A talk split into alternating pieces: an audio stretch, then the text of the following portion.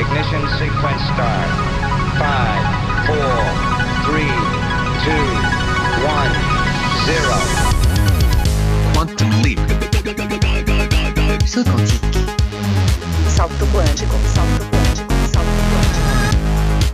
Quantum Salto quantico. Salto quantico. Salto quantico.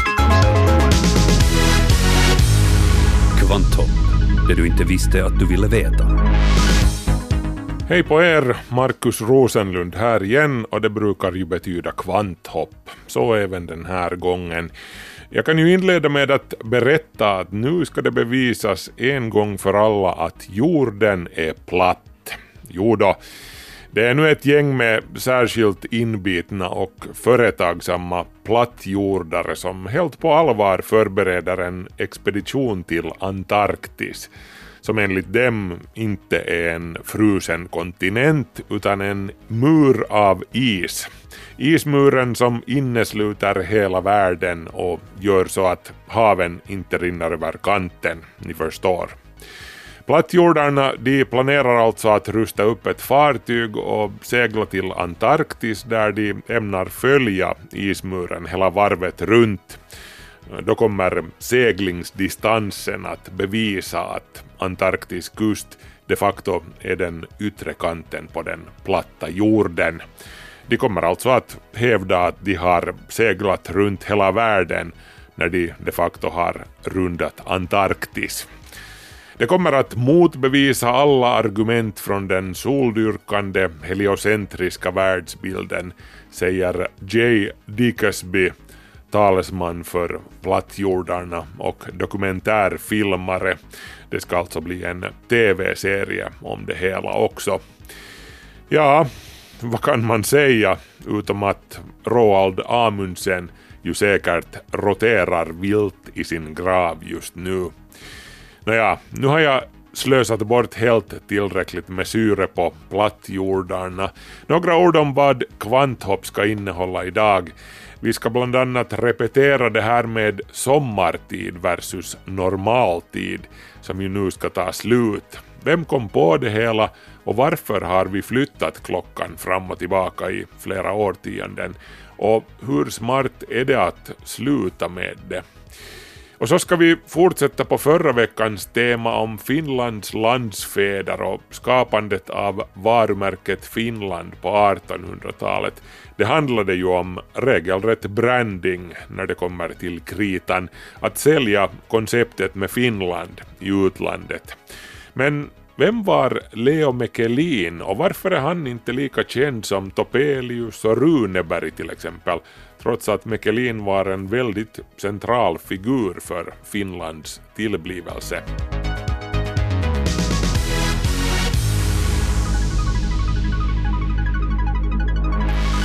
Bland annat sådant på kommande i Kvanthopp idag, men härnäst blir det notiser.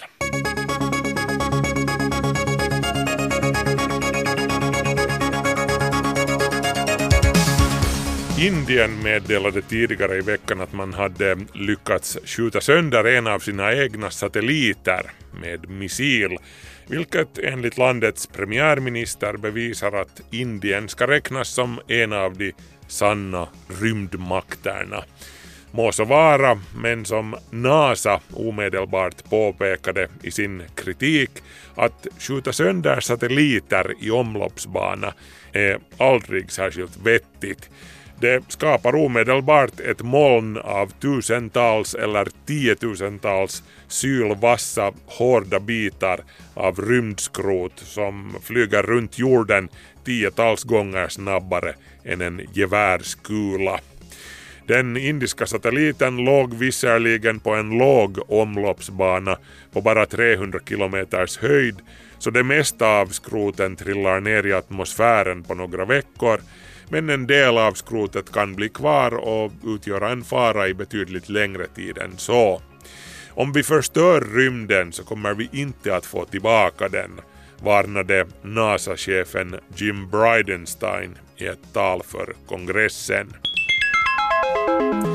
Mänsklighetens energikonsumtion ökade med 2,3 procent i fjol. Det här enligt en färsk rapport från det internationella energirådet IEA. Koldioxidutsläppen ökade med 1,7 procent från året innan. Inte riktigt som på Strömsö med andra ord. Energiförbrukningen i världen ökade snabbare än någonsin tidigare under det innevarande årtiondet. Delvis på grund av en stark ekonomisk tillväxt och på att det till exempel i USA tidvis var både varmare och kallare än normalt på olika håll, vilket ökade på behovet av både luftkonditionering och uppvärmning. De fossila källorna stod för 70 procent av ökningen, även om också solenergin ökade kraftigt från året innan med 31 procent. De förnybara energikällorna står just nu för en fjärdedel av världens energiproduktion. Sol och vindkraften växer just nu snabbt men det hjälper inte när de fossila bränslena ökar ännu fortare, inte minst i Kina och Indien. USAs flotta planerar att införa ett nytt laservapen, riktiga laserkanoner bokstavligen, på två av sina jagare fram till år 2021.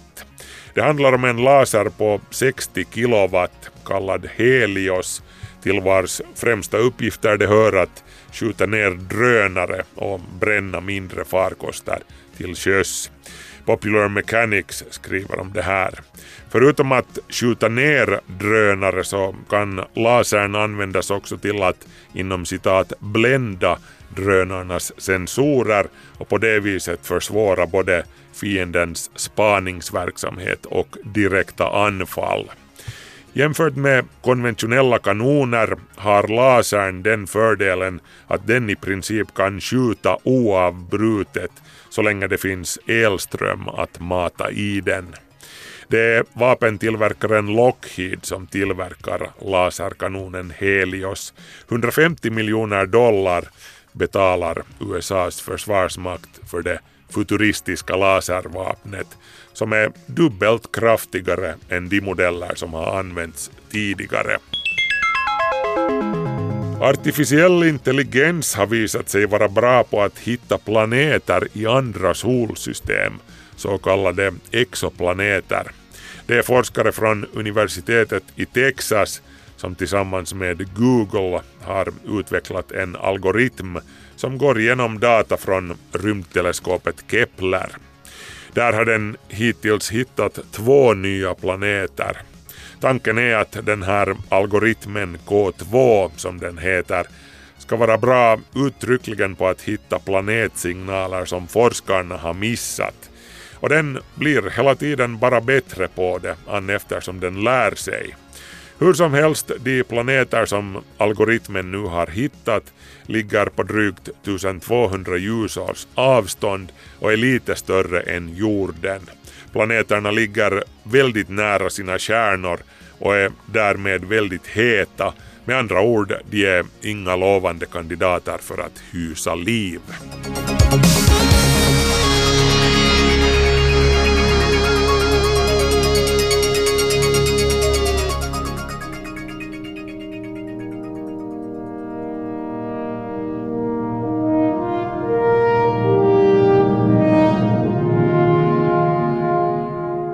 Helt nyligen var jag på ett seminarium som Svenska litteratursällskapet ordnade. Där publicerades bland annat den svenska översättningen av Raimo Savolainens gedigna verk om J.V. Snellmans liv och karriär med bildningens kraft. Savolainen hörde ni en intervju med förra veckan här i Kvanthopp. På samma seminarium talade också en annan forskare som har ägnat sin tid åt att studera Finlands landsfäder och skapandet av brandet Finland under 1800-talets senare hälft. Katarina Pilflykt är den drivande kraften bakom den digitala utgåvan av det illustrerade praktverket Finland i det 19 seklet. Vi talar om en bok som då den först utkom 1893 hade det uttryckliga syftet att sprida bilden av Finland i utlandet. Man kan säga att det som sagt handlade om att skapa och förstärka Finland som brand utomlands, som någonting separat från Ryssland som vi löd under på den tiden. Finland i 19 seklet utkom alltså ursprungligen på initiativ av professorn och lantdagsmannen Leo Mekelin. Det var Sakarias Topelius som skrev förordet och de inledande kapitlen medan bland annat sådana som Edelfelt, Galén och Järnefelt stod för illustrationerna. Och det här är ju bekanta namn som vi alla har pluggat sedan vi lärde oss läsa ungefär. Leo Mekelin däremot, som levde mellan 1839 och 1914, han är lite extra spännande om vi tänker på de här figurerna. Eh, Mekelingatan känner ju alla helsingforsare till, men annars har Leo Mekelin passerat lite under radarn så att säga. Han är betydligt mindre känd än till exempel just Topelius och Snellman för att inte tala om Runeberg. Vi har ingen Mekelin-dag, inga Mekelin-statyer som jag vet om åtminstone. Eh, vad säger Katarina Pilflykt, vad beror det här på? Nå, han var ju jurist och det som han skrev var ju kanske inte lika publikfriande och intressant för, för icke juridiskt insatta personer så han var kanske inte den här, han vände sig inte till alla ur den bemärkelsen. Och han såg hemskt mycket på, på det här statsbygget ur den juridiska synvinkeln. Så jag skulle säga att där, där är det som det sitter. Det är hur man skriver och vad man skriver om. Ja. Det här har ju blivit nästan lite till, till ett stående skämt här i Finland det här att Suomi mainittu to- torilla tavataan. Vi att det här att vi är så förtjusta alltid när Finland nämns i positiva ordalag utomlands. Kan man på något vis, jag menar, man jämför den dagens fascination med att vara bli nämnd med den tiden. Så jag menar då måste det ju handla ännu mer om liksom rent om nationell överlevnad än nu. Naturligtvis, eh, uh, Mekelin har ju ett, i sitt arkiv på Riksarkivet så finns det ju en hel mapp som han har samlat tidningsurklipp om sig själv och Finland och sina, sina verk från hela Europa som kanske är Suomi mainittu. mainittu. att, eh, nu fanns det en fascination för var man omnämndes och hur man omnämndes. Fanns det nog också bland gräsrötterna så att säga, tror du? Eller var det de här, de här herrarna, just som vi har nämnt här, var det de som fundera på nationsbygge och identiteten? Jag menar vanligt folk levde ju sina liv och hade svårt att få ihop till brödfödan och så här. Hur, hur mycket var det deras angelägenhet också? Ja, det är nog svårt att säga. Det var ju kanske något som var så långt från deras verklighet. Jag, jag har svårt att säga att, att hur nära det egentligen kom. Det som man kan säga nu om tidningarna, för övrigt när de skrev och, och refererade recensioner av just till exempel nu Finland i 19 seklet u- i utländska tidningar, så det här, de tog gärna in ref, referat av dem men det som jag märkte när jag gick igenom, igenom många recensioner och jämförde med de finska referaten var att de finska referaterna gärna lämnar bort kritik och, och sånt här och lyfter fram positiva saker. Så, så det här, det fanns en liten sån här självcensur kanske eller, eller något sånt här att man gärna ville visa åt det finska folket att folk talar gott om en. Mm, mm. Men vilken var inställningen utomlands till, till Finland som, som blivande stat? Jag menar, vi, vi rynkar ju nästan lite på näsan åt katalanerna och och andra som vill bli själv, självständiga nu. Hurdan var, var inställningen till oss då när det begav sig? åtminstone i det här skedet var den kanske inte så stor, alltså intresse var kanske inte så stort, det var större politiska helheter som, som, det här, som avgjorde. Norge hade kanske ett större intresse för de var i en liknande situation i, en, i sin norsk-svenska union men det här men inte, inte ser man nu åtminstone ännu på 1800-talet någon så här stor iver och kanske det var så långt, hela tankegången var så långt borta ännu att Finland skulle faktiskt bli självständigt och Finland hade ju aldrig varit ett självständigt land heller. Mm. Så det fanns inte någon sån sak att gå till heller. Mm. Det kommer på 1900-talet. Ja, ja. Men det krävde marknadsföring hur som helst. Det, det här att tala om att skapa brände Finland, så det, det låter ju lite komiskt, men, men det, det är ingen överdrift alltså. Det, var, det handlar om att skapa ett brand. Absolut, och det var ju kanske, kanske inte Topelius när han skapade det här Brände hurdana finländarna är, så han kanske nu inte tänkte så mycket på en utländsk publik till exempel. Men det, här, men det var den bilden som också förmedlades dit för att Topelius stod så långt bakom, bakom de här tankegångarna, eller det här sättet att, att uttrycka, uttrycka just det, hur, det, hur det finska folket är och hur Finland är som land. Men nu, det som Mekelin sysslar med så var ju nog branding kan man ju säga. Och där hamnar man ju tänka på saker som hur mycket det kostar att, att föra eh, saker utomlands. Ja, och det lyckades ju dessutom. Det lyckades, ja. ja. Visst. Eh, men det här, jag har suttit här och lyssnat idag lite på olika talare har, har, har citerat den tidens beskrivningar av finländare och deras tystlåtenhet och envishet och lite långsamma karaktärer. Det, det, det låter ju nästan lite rasistiskt ibland det här. Det, det är kanske okej okay så länge vi själva gör det men, men det här han... kanske om någon annan skulle sitta och hålla ett sånt här i ett annat land sitta och hålla ett sånt här seminarium kring, kring det finska folket så men man får väl ta det med en, med en klackspark också. Och går, du, går du till söderut i Europa ser folk kanske på svenskarna på samma sätt och svenskarna ser på finnarna på det sättet. Och sådär. Mm, ja. Det finns ju en sån uh, aspekt också. Att ja, till slut ännu, nationalismen och nationalkänslan håller ju på att vakna, eller inte håller på, den har vaknat. Och lite varstans i Europa, också här i Finland, ser du något gemensamma drag mellan dagens nationalister och 1800-talets nationalister? No, det känns kanske lite oskyldigare på 1800-talet för det är då man skapar hela den här bilden. Hela själva begreppet nation är ju nytt då.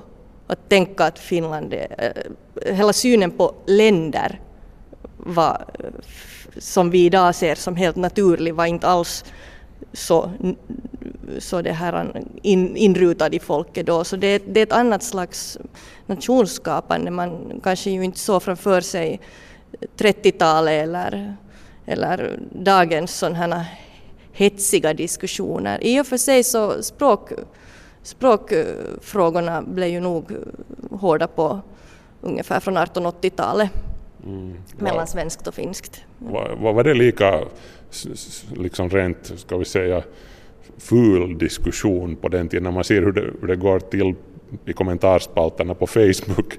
Idag skulle det ha låtit ungefär lika fullt på den tiden. kanske, kanske inte riktigt med samma ord, men kanske det, jag, jag, vet inte, kanske det kändes för dem på den tiden som inte, kunde, som inte hade Facebooks kommentarspalter att jämföra med, så kanske de också tyckte ibland att wow, det var ganska häftigt sagt. Jag vet inte. Mm. Okej, okay, jag måste ändå fråga dig att jag menar, vi, vi har snackat, eller det har talats om Finlands founding fathers. Vilken av dem är din egen favorit? Ja, vet du, jag har hållit på med Topelius i hemskt många år men nu när jag har lite bekantat mig med Mekelin de senaste åren så har jag nästan börjat tycka att han är ett intressant och lite outforskat kort som, som uh, har, det finns, det finns mera om honom. Borde han få en egen flaggdag eller sin nuna på en sedel eller någonting? Ja, jag vet inte. vi måste väl återgå till mark om vi ska få hans nuna på en sedel. Men kanske ett frimärke, eller det kanske han redan har fått i och för sig. Det är mycket möjligt att han har fått det.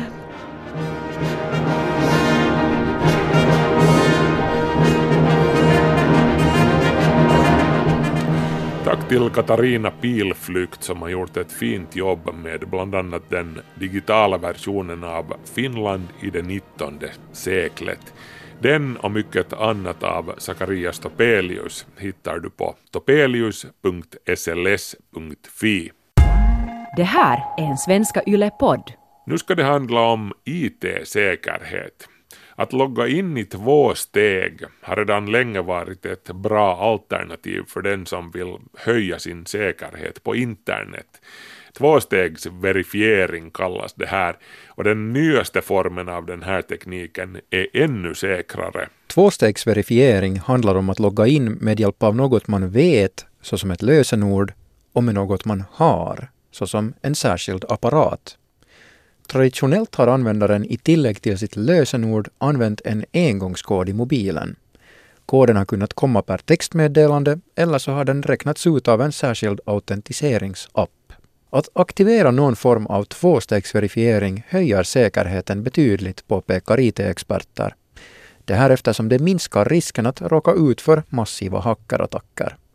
Det vanliga rådet att ha unika lösenord på ens användarkonton gäller också fortfarande, men ger inte alltid ett tillräckligt skydd.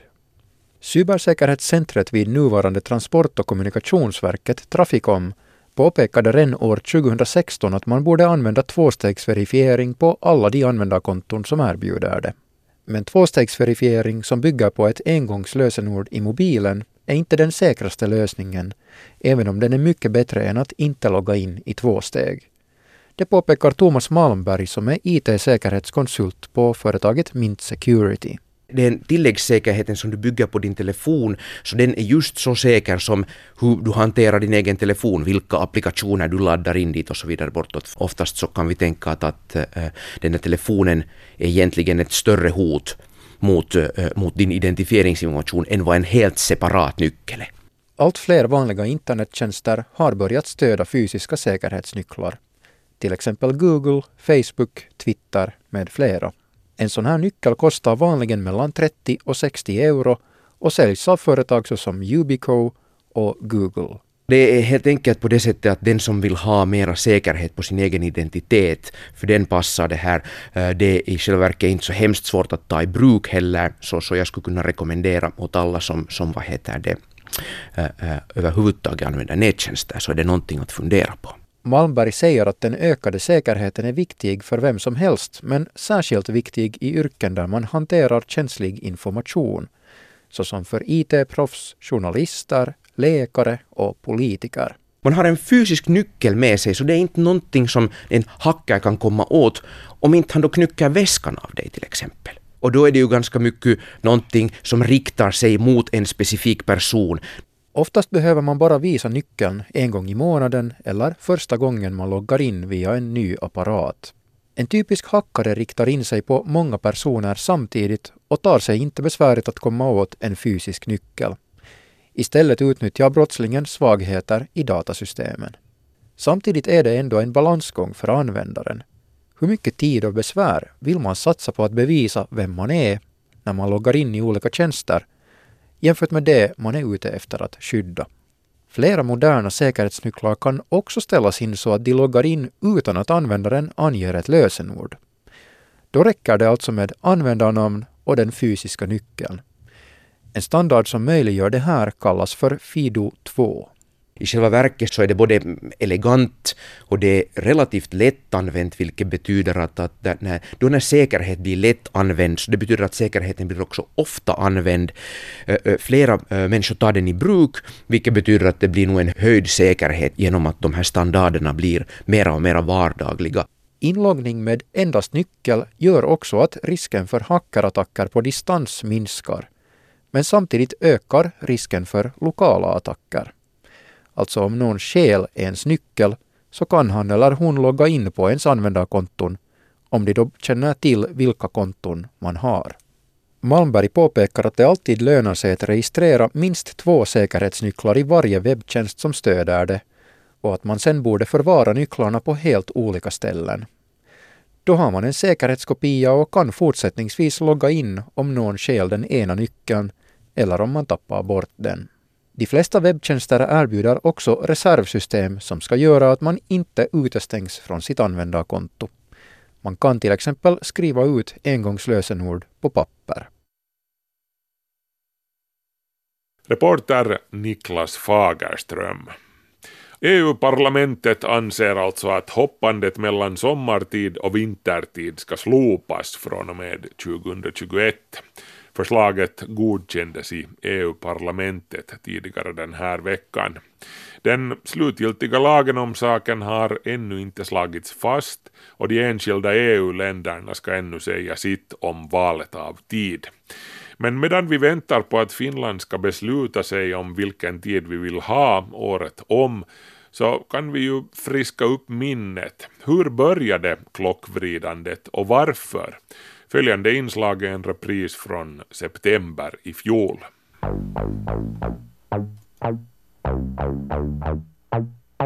Konceptet med sommartid är ju naturligtvis inte uppfunnet av EU, det går betydligt längre tillbaka än så. Vissa hävdar att det var den amerikanske uppfinnaren och statsmannen Benjamin Franklin som kom på idén 1748 då han skrev en anonym insändare i en fransk tidning där han mer eller mindre på skämt föreslog att man börjar stiga upp tidigare om somrarna för att spara på ljusen och lampoljan. Den inte helt seriöst skrivna artikeln innehöll också ett förslag om att införa en skatt på fönsterluckor och att man skulle börja väcka upp Parisborna med kanonskott och kyrkklockor i gryningen. Men att ställa klockorna framåt enligt någon sorts europeisk sommartid handlade Franklins förslag inte om. 1700-talets Europa hade inte ens någon enhetlig och exakt tidsmätning som man kunde ha börjat trixa med.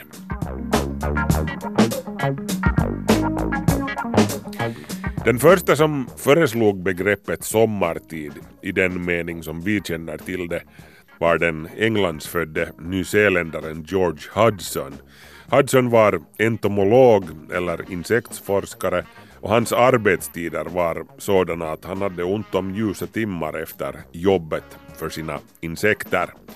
1895 författade Hudson en artikel för det filosofiska sällskapet i Wellington där han föreslog att man ställer klockorna framåt med två timmar. Det dröjde till 1927 innan Nya Zeeland införde sommartid. Här i Europa var det britten William Willett som lanserade begreppet med sommartid. Willett var en förmögen företagare inom byggnadsbranschen och han var uttryckligen av den morgonpigga sorten. Under sina tidiga ridturer i Kent, där han bodde, noterade han att många hus hade fönsterluckorna stängda trots att det var ljust ute. Willett var också en ivrig golfspelare och han blev ständigt irriterad över att golfrundorna blev så korta på eftermiddagarna när skymningen föll på mitt i allt. Tänk om alla kunde börja jobba lite tidigare, då kunde de sluta tidigare också och då skulle man hinna med så mycket mera golf, tänkte Willett. Så 1907 skrev han en pamflett med namnet Slöseriet med dagsljus.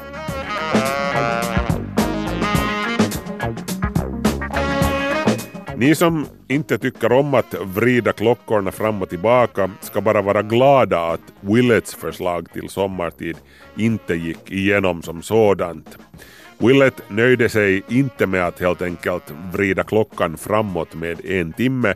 Enligt hans förslag skulle man vrida klockan framåt med inalles 80 minuter i april, men inte på en gång utan med 20 minuter åt gången med en veckas mellanrum. Och på motsvarande sätt skulle klockan vridas tillbaka i september. Nu har vi ju bara vridit klockan två gånger om året men om William Willett hade fått bestämma så hade vi alltså vridit den åtta gånger. Willett motiverade naturligtvis inte officiellt det hela med att han ville förlänga sina golfrundor om kvällarna utan med att det skulle ge inbesparingar på hela 2,5 miljoner pund i belysningskostnader årligen. Willett trodde stenhårt på sin idé och lobbade ivrigt i parlamentet för sin sak. Den unge Winston Churchill understödde Willets idé och man tillsatte en kommitté för att utreda saken. Men det blev aldrig någonting konkret av det hela. Åtminstone inte förrän första världskriget bröt ut då det plötsligt uppstod brist på kol för eldning. Och då dammades Willets förslag av och sommartiden infördes den 17 maj 1916. Fast då hade Tyskland och deras allierade Österrike-Ungern redan infört sommartiden i april samma år. Av samma orsak, för att spara dyrbart kol. William Willett han fick aldrig se sitt förslag förverkligas i praktiken för att inte tala om att inleda sina golfrundor tidigare för han hade hunnit gå och avlida av influensan året innan i 58 års ålder. Andra länder hakade hur som helst på experimentet med sommartid redan samma år, 1916, inklusive Sverige, fast redan året därpå uteblev sommartiden i Sverige på grund av att bönderna protesterade så högljutt.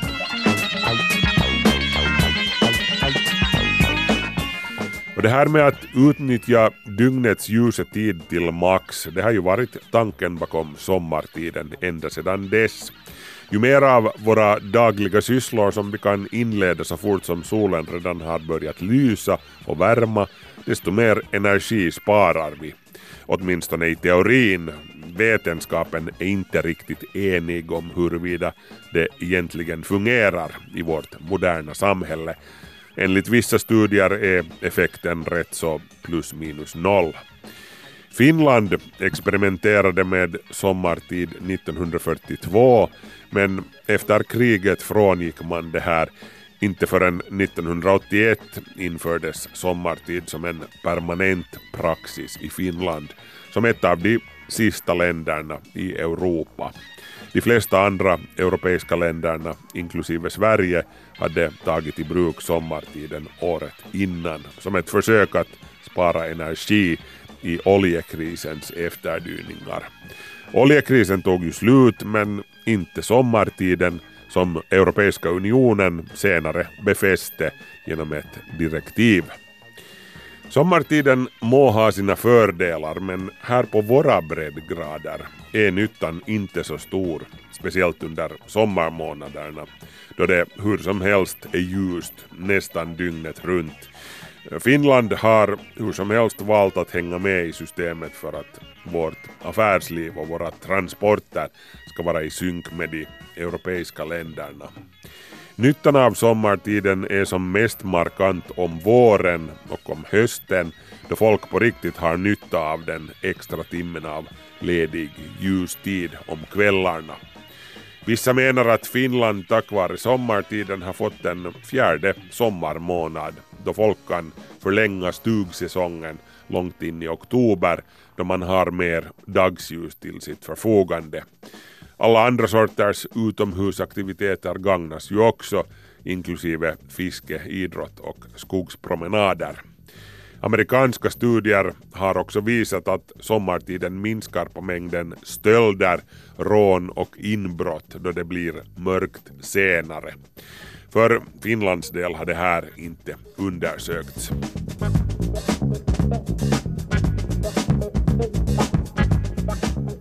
Fast det här med att folk har mer ljustid till sitt förfogande om kvällarna, det har ju lett till att folk kör mer bil, de är överhuvudtaget aktivare och konsumerar mera, något som handelsbranschen i USA har varit väldigt nöjd med. Men det här går ju bevisligen emot den ursprungliga strävan med sommartiden, nämligen att spara energi. I USA där kallas sommartiden för Daylight Saving Time och alla delstater utom Arizona och Hawaii tillämpar sommartid. Men precis som här så knorrar folk över att klockorna ska vridas fram och tillbaka. Så får se om inte USA följer Europeiska unionen i spåren snart. Delstaten Florida har redan röstat för att gå in för sommartid året om, men ändringen har ännu inte trätt i kraft. Får se om något land i brist på sommartid ska pröva på någonting i stil med det som Iran hade på gång på 70-talet. Då ställde man inte om klockorna på sommaren utan man löste saken helt enkelt så att alla började och slutade arbetet en timme tidigare än annars. För bönderna är det här hur som helst inte någon lösning, liksom systemet med sommartid inte heller har fallit dem i smaken. Bönderna får ju lov att utgå från kossornas och de andra djurens naturliga rytmer. Att ställa om en ko till sommartid går ju inte så bra. Den ska mjölkas då när den ska mjölkas. Att ställa om vissa människor har också visat sig vara knepigt. Det finns studier som tyder på att risken för hjärtattacker och trafikolyckor ökar en aning under veckan som följer efter att klockan ställs. Det här eftersom många känner sig trötta och på dåligt humör på grund av sömnbrist. Det påverkar också effektiviteten på jobbet, om än temporärt. Men kanske det evinnerliga grälandet om sommartiden sist och slutligen handlar om moral. Det tenderar ju att vara de morgonpigga som är mest sura på klockvridandet. Ja, men ni kan väl stiga upp tidigare då och utnyttja den ljusa tiden innan ni går till jobbet. Som Benjamin Franklin sade, early to bed, early to rise makes a man healthy, wealthy and wise. Nattugglorna protesterar naturligtvis mot det här och muttrar om de morgonpiggas diktatur. Nattugglorna anser att deras moraliska hållning ifrågasätts och att de betraktas som bohemiska och oansvariga bara för att de hellre är aktiva om kvällarna. I USA där har man också naturligtvis dragit in Gud i diskussionen. Sommartidens motståndare argumenterade ända från början från att normaltiden var Guds tid som de världsliga makthavarna inte skulle mixtra med. Det här argumentet håller inte, påpekade sekularisterna då Guds tid, om man kan tala om någonting sådant, är i så fall tiden då solen står som högst ovanför en given plats på jorden. Och i praktiken frångick vi denna Guds tid redan på 1800-talet då länderna gick in för enhetlig tidshållning eh, med gemensamt tolvslag för hela tidszoner istället för som tidigare individuellt tolvslag för varenda en liten by. Och de som låg bakom det här var ju varken regeringen eller mörkrets furste utan järnvägsbolagen och deras tidtabeller. Också här i Finland var det järnvägen som låg bakom det att Finland började gå enligt ett gemensamt fastslaget tolvslag.